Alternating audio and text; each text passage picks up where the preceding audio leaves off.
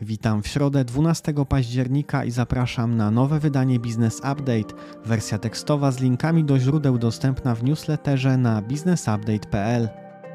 Business Update to codzienne informacje biznesowe. Odsłuchaj przed pracą i zacznij dzień z przewagą. Wczoraj na rynkach bez większych zmian indeksy utrzymują się na poziomach najniższych od ponad dwóch lat. Złotówka utrzymuje relatywną słabość względem dolara, za którego płacimy rano 4,99, a za euro 4,85. Gospodarka i makroekonomia. 10 października prezydent podpisał ustawę o zasadach realizacji programów wsparcia przedsiębiorców w związku z sytuacją na rynku energii w latach 2022-2023. Dzięki niej rząd będzie mógł przyjąć programy pomocowe dla określonych grup przedsiębiorców. Limit wydatków na realizację programów wsparcia dla firm ma wynieść łącznie 17,5 miliarda. Rząd przedstawił plan zamrożenia cen energii od 1 grudnia tego roku do 31 grudnia przyszłego. Dla małych i średnich przedsiębiorstw maksymalna cena za 1 MWh ma nie przekroczyć 785 zł. Taka stawka ma dotyczyć poboru nie większego o 90% w stosunku do poboru sprzed dwóch poprzednich lat. Z kolei maksymalna stawka dla gospodarstw domowych ma nie przekroczyć 693 zł za megawattogodzinę. Prezes NBP i czterech członków Rady Polityki Pieniężnej wydało oświadczenie, w którym wskazują na możliwość popełnienia przestępstwa przez niektórych członków Rady i rozważają skierowanie sprawy do prokuratury. Chodzi o ostatnie wypowiedzi publiczne i opublikowane teksty niektórych członków Rady. Przypomnijmy, że w ostatnich dniach Joanna Tyrowicz opublikowała komunikat po posiedzeniu Rady w zmienionej wersji, mocno krytykując jego oryginał. Z kolei Przemysław Litwiniuk wskazywał na utrudniony dostęp do analityków NBP. Międzynarodowy Fundusz Walutowy oszacował, że w bieżącym roku globalny wzrost gospodarczy wyniesie około 3,2%, a w przyszłym roku 2,7%. Analitycy zakładają, że globalna inflacja będzie miała swój szczyt pod koniec tego roku, jednak utrzyma się wysoka dłużej niż dotychczas oczekiwano. We wrześniu inflacja CPI w Czechach wyniosła 18% wobec 17,2 miesiąc temu i 17,5% w lipcu. To najwyższe tempo wzrostu cen od 1993. Analitycy oczekiwali utrzymania tempa wzrostu cen z poprzedniego miesiąca. Cathy Wood z firmy inwestycyjnej ARK skierowała do Fed list otwarty, w którym krytykuje jego działania. Według niej podwyżki stóp procentowych prowadzone przez Fed są szkodliwe i rośnie ryzyko wystąpienia deflacji na świecie.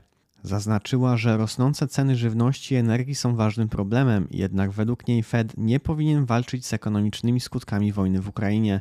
Z kolei prezes JP Morgan Chase Jamie Dimon obawia się, że Stany Zjednoczone w ciągu od 6 do 9 miesięcy wpadną w recesję. Informacje biznesowe. Prezes KGHM Marcin Chludziński oraz Jerzy Paluchniak, wiceprezes zarządu do spraw aktywów zagranicznych, zostali odwołani ze stanowisk. Niektóre osoby z rynku spodziewają się, że nowym prezesem grupy zostanie Tomasz Zdzikot, obecny wiceprezes KGHM do spraw rozwoju i były prezes Poczty Polskiej. Prezes Vivid Games Jarosław Wojczakowski poinformował, że spółka od kilku tygodni analizuje różne scenariusze w celu zwiększenia dochodowości działalności spółki, w tym wcześniejszy wykup obligacji i przyspieszenie prac nad nową grą. Sieć sklepów Żabka planuje otwierać ponad 1000 sklepów rocznie. W kolejnym roku sieć ma składać się z 10 tysięcy placówek. Obecnie sieć liczy ponad 8700 sklepów.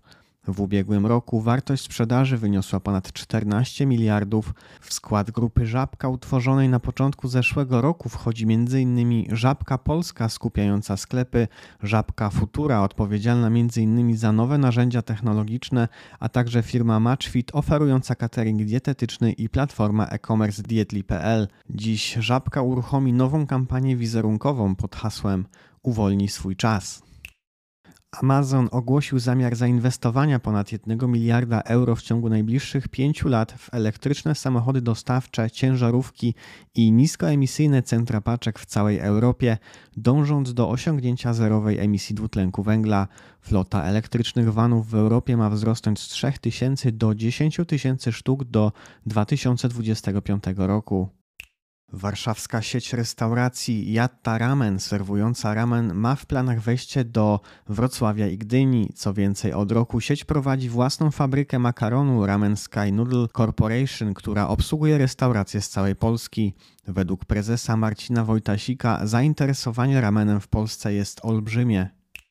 Towarowa giełda energii otrzymała od GPW odnawialną pożyczkę do kwoty 100 milionów złotych. Środki są przeznaczone na finansowanie podatku VAT z tytułu rozliczeń na rynku międzynarodowym energii elektrycznej. Zwrot pożyczki ma nastąpić w terminie do 30 września przyszłego roku z możliwością przedłużenia jej do kolejnego okresu, jednak nie dłużej niż do 30 września 2024. Fuzje i przejęcia, inwestycje i venture capital. Producent bakali Bakaland założony przez Mariana Overko połączy się z producentem zdrowej żywności Purella Superfoods i utworzona zostanie grupa Foodwell. Firmy będą kontynuować produkcję swoich dotychczasowych produktów. Marian Overko chciałby w ciągu kilku lat przekroczyć poziom miliarda złotych przychodów i generować jedną trzecią sprzedaży z eksportu i e-commerce. W planach jest zwiększenie mocy produkcyjnych zakładu we Włocławku. Możliwe, że w przyszłości zostanie uruchomiona także fabryka zamienników mięsa, jednak decyzja nie została jeszcze podjęta. PFR Ventures wybrało fundusze Lakestar i Nordzone do prowadzenia inwestycji na polskim rynku. Dwa zagraniczne fundusze mają wyłożyć na inwestycje 240 milionów złotych, a PFR Ventures dołoży drugie tyle. Łącznie w planach jest zainwestowanie równowartości 100 milionów euro. Prezes PFR Ventures Maciej Ćwikiewicz zwraca uwagę na potrzebę przyciągnięcia do Polski zagranicznych inwestorów, ponieważ zapewniają oni najlepsze praktyki. W pierwszej połowie roku rodzime startupy pozyskały 2 miliardy złotych finansowania. Dla porównania w całym ubiegłym roku kwota ta wyniosła 3 miliardy 600 milionów. Brytyjska niezależna grupa pośredników ubezpieczeniowych PIB Group, kontrolowana przez fundusze Apax Funds i The Carlyle Group, dokonała przejęcia multiagencji Assist. Transakcja wymaga jeszcze zgody UOKiK. PIP Group powołał specjalną spółkę PIP Agency, której zadaniem jest nabywanie udziałów w multiagencjach i konsolidowanie rynku. Obecnie prowadzone są zaawansowane rozmowy z kilkoma podmiotami i być może uda się wkrótce ogłosić kolejną transakcję. Sanok Rubber Company poinformował o sfinalizowaniu sprzedaży wszystkich posiadanych przez siebie udziałów, czyli około 80% w chińskiej spółce QMRP. Sanok dodał także, że jego spółka zależna Draftex Automotive GmbH posiada w dalszym ciągu niecałe 15% udziałów w kapitale. Nissan prowadzi rozmowy z Renault na temat zacieśnienia współpracy, w tym polegającej na nabyciu przez Nissana części udziałów w jednostce Renault odpowiedzialnej za pojazdy elektryczne. Giełda kryptowalut Binance zadeklarowała wsparcie w wysokości 500 milionów dolarów dla potencjalnej transakcji nabycia Twittera przez Elona Muska. Z kolei fundusz Sequoia Capital jest gotów udzielić finansowania w wysokości 800 milionów dolarów. Przypomnę, że pierwotna oferta oferowała 44 miliardy za przejęcie Twittera. Prawo i podatki. Naczelny Sąd Administracyjny podjął uchwałę w sprawie sieci gazowych, zgodnie z którą będą one opodatkowane w całości jako budowle. Wyodrębnienie z nich elementów takich jak przykład transformatory czy stacje redukcyjno-pomiarowe nie wpływa na sposób naliczania podatku. Według ekspertów uchwała może mieć przełożenie również na sieci elektroenergetyczne i wodociągowe. NSA oddalił skargę kasacyjną fiskusa w sprawie odpowiedzialności członka zarządu za zaległości podatkowe spółki. Zgodnie z orzeczeniem, członek zarządu nie będzie odpowiedzialny za zaległości spółki VAT, które powstały po ustąpieniu z zarządu w wyniku skorzystania przez kontrahenta spółki z ulgi na złe długi. NSA oddalił skargę kasacyjną Fiskusa w sprawie naliczania w Polsce podatku VAT od jednej z większych e-platform modowych w kraju. Sąd orzekł, że europejska spółka, która prowadzi sprzedaż m.in. przez polskie magazyny, nie ma tutaj stałego miejsca prowadzenia działalności. NSA orzekł, że przedsiębiorca rozliczający się ze skarbem państwa według 19% liniowej stawki PIT nie może odliczyć od dochodu darowizny przekazanej na rzecz organizacji pożytku publicznego. Wyrok dotyczył kobiety prowadzącej działalność w zakresie doradztwa podatkowego i usług rachunkowo-księgowych, która zamierzała przekazać darowiznę fundacji ze statusem OPP. Dyrektor KIS stwierdził, że zlikwidowanie działalności gospodarczej nie wyklucza konieczności opodatkowania sprzedaży polizingowego samochodu.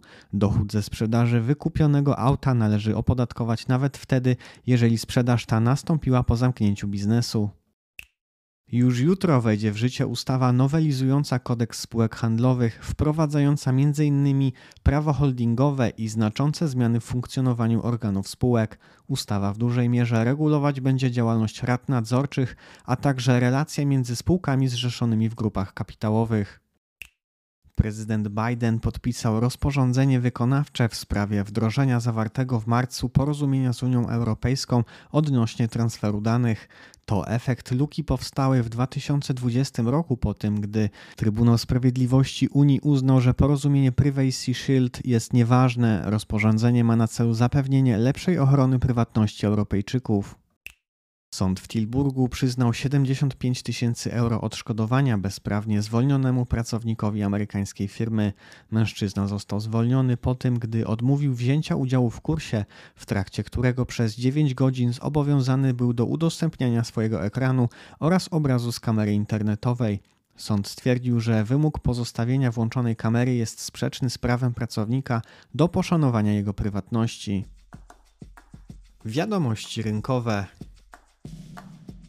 Według danych Grant Thornton i Element we wrześniu w największych 50 portalach pracy opublikowano 313 tysięcy ogłoszeń, o około 3% mniej niż rok wcześniej. Eksperci zwracają uwagę na ustabilizowaną sytuację na rynku pracy i wolę pracodawców do zwiększania zatrudnienia. Jak wynika z raportu EY, w ciągu 9 miesięcy liczba IPO na świecie spadła o 44%, a ich wartość o 57% do 146 miliardów dolarów. Na świecie najczęściej na giełdę wchodziły spółki technologiczne, które odpowiadały za ponad 1 piątą wszystkich debiutów giełdowych. W Polsce do 11 października na GPW zadebiutowało 6 spółek, podczas gdy w całym zeszłym roku było to 16 spółek. Z kolei na New Connect zadebiutowało w tym roku 12 spółek, o 20 mniej niż w całym ubiegłym roku. Wyniki spółek i rekomendacje. Budimex SA oszacował, że skonsolidowany zysk netto grupy Budimex za trzeci kwartał wyniósł 160 milionów złotych, co oznacza wzrost o ponad 50% rok do roku. Wzrost skonsolidowanego zysku netto to efekt znacznie wyższych przychodów finansowych z tytułu odsetek. Dom maklerski BDM obniżył rekomendacje dla akcji Relpolu skupuj do akumuluj i cenę docelową z 11,10 do 6,32. Według autorów raportu w krótkim okresie wynikom będzie ciążyć głównie rosnąca presja kosztowa. Grupa SK z portfela funduszu MCI, oferująca głównie loty i noclegi, zanotowała w pierwszych trzech kwartałach roku rekordowe wyniki finansowe. Łączna wartość transakcji wzrosła w skali roku o 88% do 2 miliardów 100 milionów złotych. Wynik ten był o 11% wyższy od rezultatu z 2019 roku. Z kolei wynik EBITDA wzrósł rok do roku o 70% do 74 milionów złotych. Europa kontynentalna odpowiadała za 70% sprzedaży. To już wszystkie informacje na dziś. Życzę Państwu owocnej środy. Jeżeli podcast był pomocny, będziemy wdzięczni za polecanie go dalej. Do usłyszenia jutro.